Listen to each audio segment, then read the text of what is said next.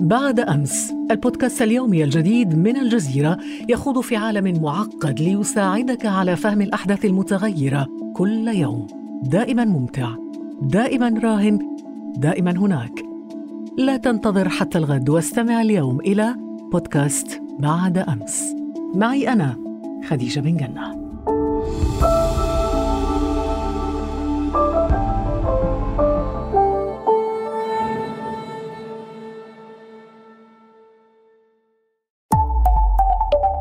الجزيرة بودكاست.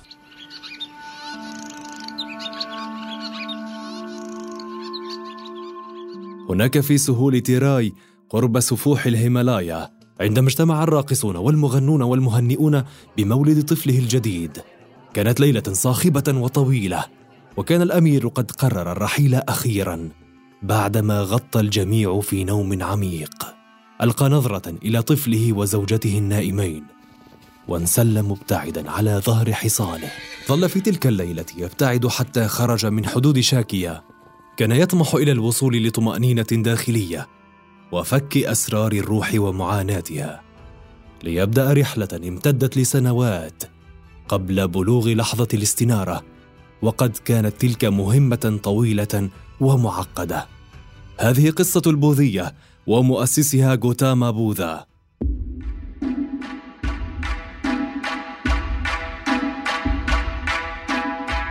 كيف تأسست هذه الفلسفة؟ ولماذا تستمر في جذب المعتنقين الجدد حول العالم؟ أهلا بكم في هذه الحلقة من بودكاست لحظة من الجزيرة أنا فريد وهذه الحلقة بعنوان نشأة البوذية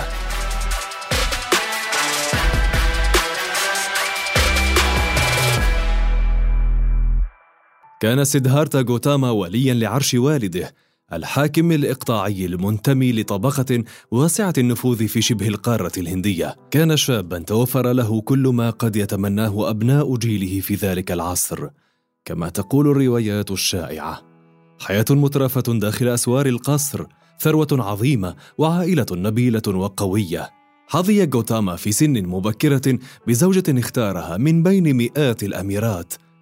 لم يكن ذلك سوى قليل من النعيم الذي أراده له والده خوفا من نبوءة قديمة.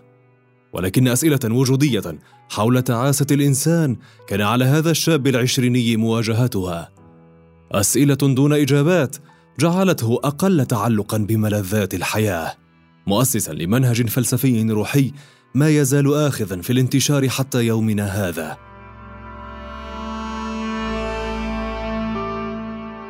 تصنف البوذية كديانة رغم أن كثيرين يرونها نهجا فلسفيا يختلف في جوهره عن الدين. وبينما ترتبط الديانات الإبراهيمية بمنطقة الشرق الأوسط والطاوية بالمدار الصيني تنتمي البوذية إلى عائلة الديانات الدارمية التي سادت في الهند وامتدت إلى جنوب آسيا وشرقها. الهندوسية هي أساس هذه الديانات وأقدمها على الإطلاق ومنها ولدت البوذية والجاينية والسيخية. أما الدارما فتعني بمفهومها الواسع قانون الكون ولكن لكل واحدة من الديانات الدارمية الأربع وجهة نظرها الخاصة من هذا المفهوم. في بودكاست لحظة تحدثنا إلى الباحث في علم وتاريخ الأديان والحضارات القديمة خزعل الماجدي وشرح لنا التفسيرات المختلفة للكلمة. الهندوسية ترى بأن الدارما هي القانون الثابت والواجب الثابت. وبالتالي لأنه قانون وواجب فهو بالتالي معناه الدين. أما البوذية فترى أن الدارما هو تدريس بوذا طرق بوذا ومنهج بوذا من أجل التنوير أو التيقظ. فبالتالي أصبح أصبحت معنى الدارما هو التنوير والذي رمز له بالعجلة الثمانية الأذرع أما الجاينية فترى أن الدارما هو تنفيذ أوامر معلمي الدين ولكنهم يرون إجمالا أن الدارما هي الطبيعة هي هي الروح الخفي داخل الطبيعة القانون الداخلي للطبيعة. المسيحية فترى بأنه الطريق الإصلاحي أو أعمال الدين. البوذية والجاينية واللتان سبقتا السيخية بقرون طويلة رفضتا هذا الموروث وركزتا على جوهر إنساني هو أكثر أهمية كما أوضح الماجدي الحقيقة شبهت البوذية بأنها إلحادية بمعنى أنها كفرت بالتعاليم الهندوسية من كثرة الآلهة والأساطير والتفاصيل الخاصة والكهنوتية المتزمتة وهكذا رفضت البوذية كل هذا الإرث وبدأت تركز على شيء واحد مهم وهو الروح. لم تنفي البوذية وجود الآلهة ولكنها في الوقت ذاته نفت تأثيرها على حياة الإنسان. وهكذا تراوح هذا المنهج الجديد ما بين كونه دينا وفلسفة. ولكن كيف بدا شكل الحياة قبل أن يصل بوذا إلى ما وصل إليه؟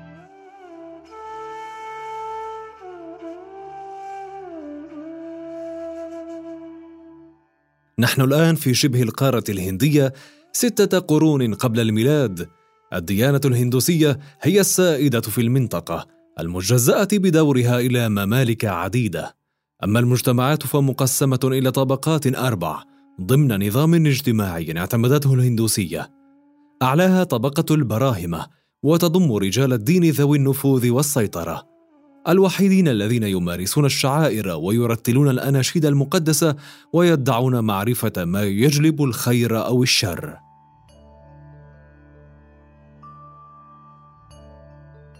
تليهم طبقة الكشاترية وتضم رجال الجيش ذوي القوة العسكرية وفيها ولد سيدهارتا غوتاما بوذا ثم الفيسيا وفيها العاملون بالتجارة والزراعة والصناعة. وأخيرا طبقة الخدم المعروفة بالشودرا.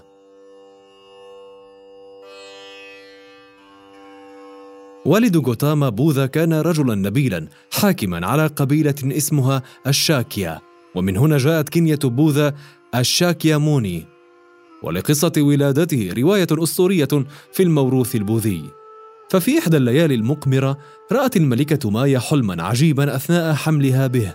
زارتها فيه كائنات سماوية وحملتها إلى بحيرة في جبال الهيمالايا غطستها فيها ثم ألبستها ثيابا من السماء ودهنتها بالعطور وزينتها بالزهور. ثم اقترب منها فيل أبيض ودار حولها قبل أن يدخل رحمها في نهاية الحلم. جمع الملك حكماء البراهمة لتفسير هذا المنام.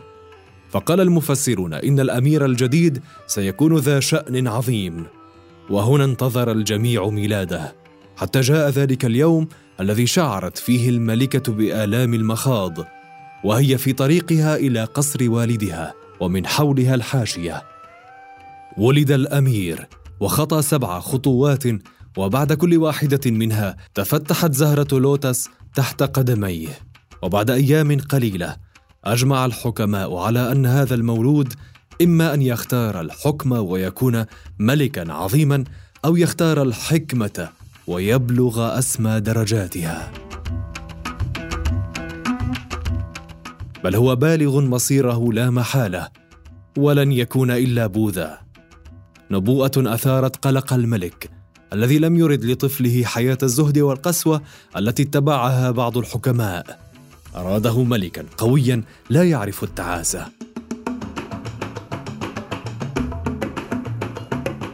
تعلم سيدهارتا غوتاما الفنون العسكرية نظرا لطبيعة الطبقة التي ينتمي إليها كما تلقى علوم الفلسفة على يد أقدم حكماء عصره. كل ذلك في داخل حدود الحياة المترفة التي نعم بها نبلاء مجتمعه. فيما يمر الناس خارج أسوار القصر بأصناف مختلفة من المعاناة. لم يكن غوتاما قد أدركها بعد. وفي إحدى جولاته في طرقات المدينة مر برجل أرهقه المرض ومسن أوهنه الكبر وجثمان في طريقه إلى المحرقة. ثم برجل حليق الرأس قد زهد بالحياة وتحرر من ملذاتها. مشاهد وضعت هذا الشاب العشريني الثري أمام أسئلة وجودية حول تعاسة الإنسان. ظلت دون إجابات لفترة طويلة. وظل هو في صراع بين حياة العائلة والقصر والاستنارة التي لن يبلغها إلا بمغادرته.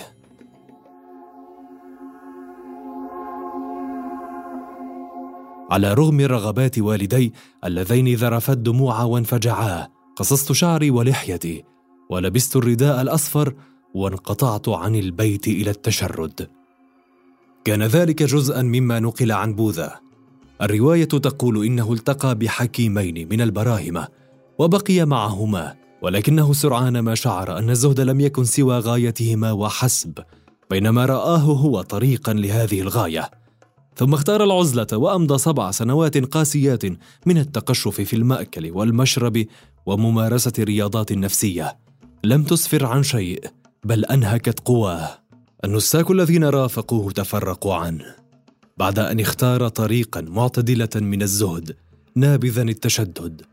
قبل أن يصل أخيرا إلى ما يعرف بلحظة الاستنارة والتي أوضحها الباحث في تاريخ الأديان والحضارات خزعل الماجدي ثم جاءت مرحلة البودي ساتفا التي جلس فيها تحت شجرة الحكمه ومارس التأمل.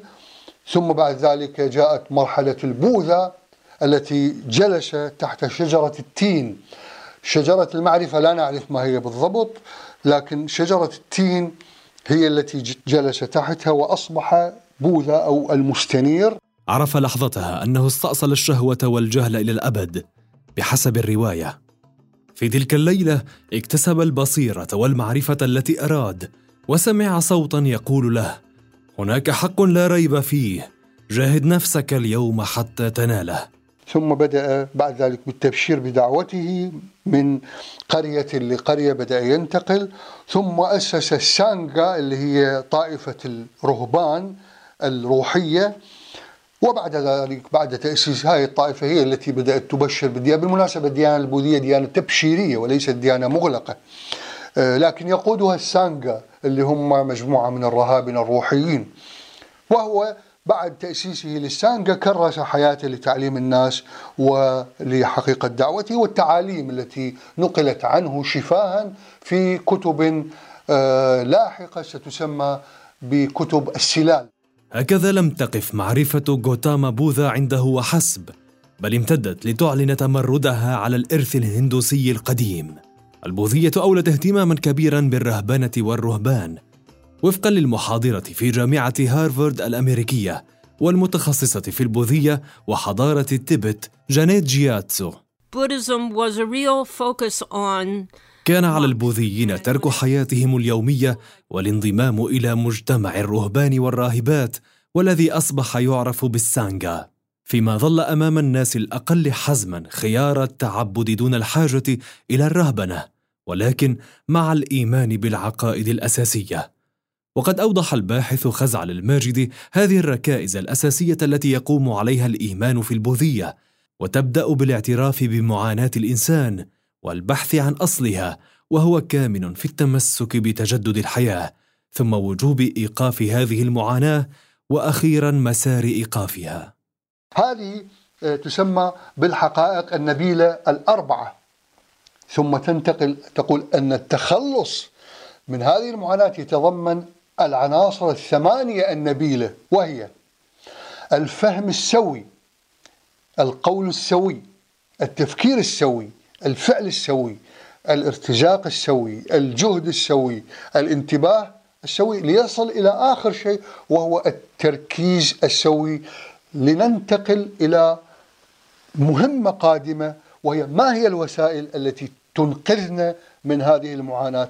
تتلخص الوسائل الأساسية بالاعتراف بالكارما وهي قانون الخير والشر وأن الإنسان ملاق جزاء أعماله لا محالة. وعلى البوذي تجنب عمل الشر تفاديا للعقاب الذي قد يكون بالانبعاث في حياة تالية في جسد حيوان وفقا للماجد قبل أن يبلغ النيرفانا. وبلوغها في البوذية يعني السمو بالروح عن كل الشهوات. وبها تتوقف دورة الانبعاث والولادات المتجددة وهنا يتجدد الخلاص. ليصل الإنسان أخيرا إلى مرحلة إنكار الذاتية والإيمان بأنه يشترك مع الجميع بذات واحدة. أما جواهر البوذية الثلاث فهي الإيمان ببوذا كمعلم مستنير نقي والإيمان بالدارما المستمدة من تعاليم بوذا والتي يؤمن بها البوذيون كإجراءات وقائية. وأخيرا يأتي الإيمان بالجماعة التي تعرف هنا بالسانغا وتضم المؤمنين والرهبان رجالا ونساء. وفيما كانت المسيحية تنشأ في الشرق الأوسط كانت البوذية تعبر نحو آسيا شرقا وجنوبا حتى أنها وجدت ترحابا هائلا في الصين حيث سادت الديانات الطاوية لقرون. وكونها ديانة تبشيرية دعوية جعلها انتشارها عرضة للمزيد من التنوع والإضافات وربما الانقسامات. خصوصا أن بوذا لم يعين خليفة له وأتاح لأتباعه تفسير الدارما بأنفسهم.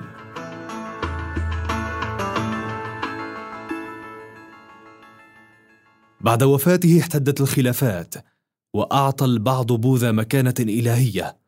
وقد عجز آخرون عن فهم تعاليمه. طغت أديان أخرى على البوذية فيما سادت الهندوسية عليها جميعها. وكان الانقسام أمرا حتميا. في البوذية طوائف تفصيلية كثيرة ولكن الباحثين يقسمونها إلى طائفتين رئيسيتين معتمدين على انتشارها الجغرافي ولغة نصوصها المقدسة. وهما طائفتا الهنايانا والمهايانا. فسرهما الباحث المختص خزعل الماجدي في حديثه لنا. الهنيانا وتسمى أيضا بالتيرافادا وهي العقيدة الأصلية معناها العربة الصغيرة. وهذه هندية المدار تسمى أيضا بالعقيدة الجنوبية أو العقيدة الأصلية. كتابها المقدس مكتوب باللغة البالية. وهي واحدة من اللغات الأساسية بالهند بعد السنسكريتية. وكتابه المقدس هو السلالة الثلاثة التريبتاكا. هذه الهينايانا أو العربة الصغيرة أو العقيدة الأصلية آه، انتشرت في الهند وفي المدار الهندي أسميه. ثم في سريلانكا التي كانت تسمى سيلان ثم في تايلاند التي كانت تسمى سيام. وفي كمبوديا وفي بورما وفي لاوس. هذا كله نسميه بالمدار الهندي. الطائفة الثانية الأكبر الماهايانا. مها معناها كبيرة فهي العقيدة الجديدة أو العربة الكبيرة. وهذه آه، تسمى ببوذية المدار الصيني. أو المدار الشمالي. كتابه المقدس مكتوب بالسنسكريتية. اسمه سوترا لوتس. شو نقول عليه؟ كتاب اللوتس هذا أو سوترا لوتس الشريعة الحقانية. تعاليم بوذا لم تدون في كتب إلا بعد فترة طويلة من مماته. So people especially his closest disciples, recited the various teachings that he gave. المحاضرة في جامعة هارفارد والمختصة في البوذية جانيت جياتسو قالت إن أتباعه ومن تبعهم اعتمدوا على قوة ذاكرتهم لحفظها. عدا عن التعاليم النظرية والفلسفية التي ألفها آخرون. ورأت جياتسو من خلال بحثها أن تاريخ البوذية قد يحتمل وجود جماعات تنقسم على بعضها إلا أن الأمر لم يكن عقائديا بقدر ما تعلق بالسياسات المحلية أو بعوامل أخرى وقد كملت هذه المدارس المختلفة بعضها وأضافت جياتسو أن كثيرين يسألون عن العقائد الثابتة التي يؤمن بها البوذيون وتكون الإجابة عادة أنه قد توجد بعض الثوابت ولكن ليس علينا أن نتوقع من كل البوذيين أن يجيبوا بالطريقة ذاتها. فهذه عملية حيوية ومتغيرة وهي أبعد مما نتخيل. وهكذا ظل تاريخ البوذية في القرون اللاحقة يستوعب افكارا وتقاليد جديدة. حتى يومنا هذا يصل عدد البوذيين اليوم إلى نصف مليار إنسان ومع أنهم يتركزون في آسيا ومنطقة المحيط الهادئ إلا أن نسبة لا بأس بها تقيم في أوروبا والولايات المتحدة وحتى أفريقيا.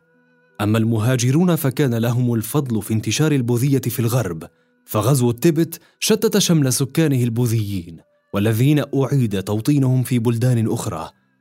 والمهاجرون الصينيون واليابانيون أخذوا معهم مذاهبهم المختلفة.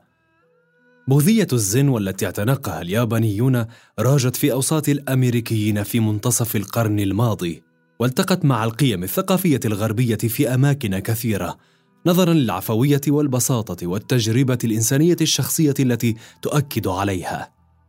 وبات هناك البوذيون من المهاجرين ذوي الأصول الآسيوية والبوذيون البيض من المعتنقين الجدد I think both the U.S. and Euro- Americans and Europeans, you know, in the 19th century, في أوروبا والولايات المتحدة تأسست الجمعيات البوذية التي تحظى اليوم بمكانتها جياتسو عزت بدايات هذا التوجه لدى بعض الغربيين المسيحيين على وجه الخصوص إلى القرن التاسع عشر حينما بدأ الناس في ظل الثورة العلمية والتقنية بالبحث عما هو أكثر روحانية بعيدا عن مفاهيم اللاهوت والعقيدة عن منهج في متناول الفرد.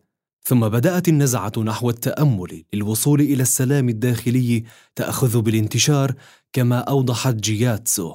هناك انتقادات توجه إلى أولئك الذين يظنون أنهم أصبحوا بوذيين لمجرد أنهم يتأملون لعشر دقائق يوميا. لكن هذا بطبيعة الحال نتج عن مجموعة من التطورات التي لا طالما طرأت على البوذية عبر التاريخ. هكذا أقول أن فهمنا للبوذية ما زالت بسيطا وسطحيا وسريعا للأسف الشديد لكني أرى أن علينا أن نعمق آه، بحثنا في هذا الموضوع. ليس للإيمان به بالضرورة. الاطلاع عليه مهم وهذا ما يوفره علم عظيم اسمه علم الأديان الذي يعطينا آه، فهما حقيقيا لكل الأديان بدون تعصب وبدون أدلجة وبدون تحيز يعطي كل الأديان حقوقها. ولكن الحديث عن البوذيين في السنوات الأخيرة قد يرتبط في ذهن العرب والمسلمين بأقلية الروهينجا في ميانمار أو بورما. هذا المجتمع المسلم الصغير نسبيا في الدولة ذات الأغلبية البوذية والواقعة في جنوب شرق آسيا. الحملة العنيفة التي تقودها القوات الحكومية بتأثير واضح من الرهبان البوذيين المتطرفين. توحي بجوهر مناقض تماما لمنهج البوذية الذي تحدثنا عنه. صراع ممتد منذ عهد الاستعمار البريطاني ومشتعل منذ الاستقلال عام 1948 كان المسلمون يطمحون لانفصال إقليمهم المسمى حينها أراكان وانضمامه إلى الدولة الإسلامية الملاصقة له البنغال الشرقية أو بنغلاديش كما نعرفها اليوم إلى أن خارت قواهم وفقدوا الدعم مع نهاية الستينات. لكن مجموعات مشتتة منهم أكملت نشاطها إلى أن انتهى الأمر باضطهاد واسع عام ثمانية وسبعين.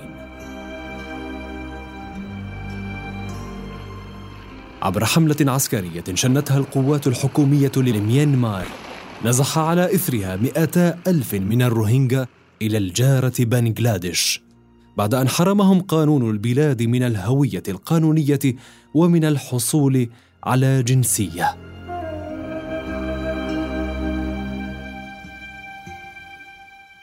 لكن الضغط الدولي أدى إلى عودة جزء منهم مرة أخرى. وظل الخوف من تكاثر المسلمين وتهديدهم ثقافة البلاد هاجسا لدى الرهبان البوذيين على حد تعبيرهم رغم أن نسبتهم لا تتجاوز الخمسة بالمئة من البورميين.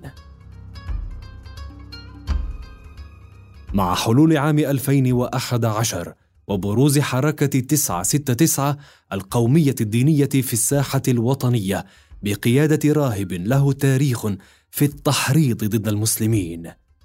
كانت البلاد على وشك أن تشهد اضطهادا عنيفا سيلقى إدانات دولية وإنسانية متتالية. ومجددا ستكون أقلية الروهينجا المسلمة في إقليم راخين ضحيته أكثر من 900 ألف من الروهينجا يستقرون اليوم كلاجئين في بنغلاديش فروا جماعات من المجازر وعمليات الاغتصاب وحملات التهجير التي طالتهم. ورغم قسوة الحدث لم يرد أن الرهبان البرميين استندوا إلى عقيدتهم لممارسة هذا الاضطهاد بينما برز الحديث عن الطموحات السياسية كعامل رئيسي فيه. وبينما يحدث ذلك في الشرق تقول التوقعات إن البوذيين حول العالم آخذون بالازدياد وسيصلون إلى الذروة خلال عشر سنوات.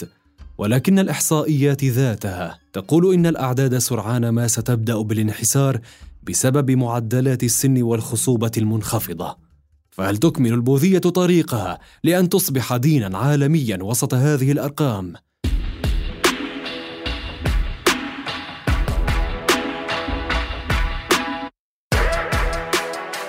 في الحلقة القادمة من بودكاست لحظة سنتناول لحظات أخرى غيرت حياتنا بشكل مختلف وربما في مجال مختلف أيضا.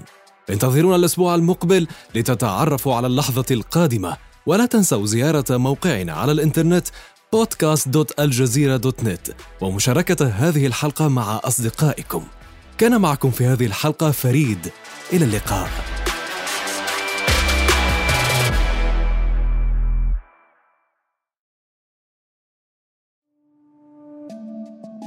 بعد أمس. البودكاست اليومي الجديد من الجزيرة يخوض في عالم معقد ليساعدك على فهم الأحداث المتغيرة كل يوم.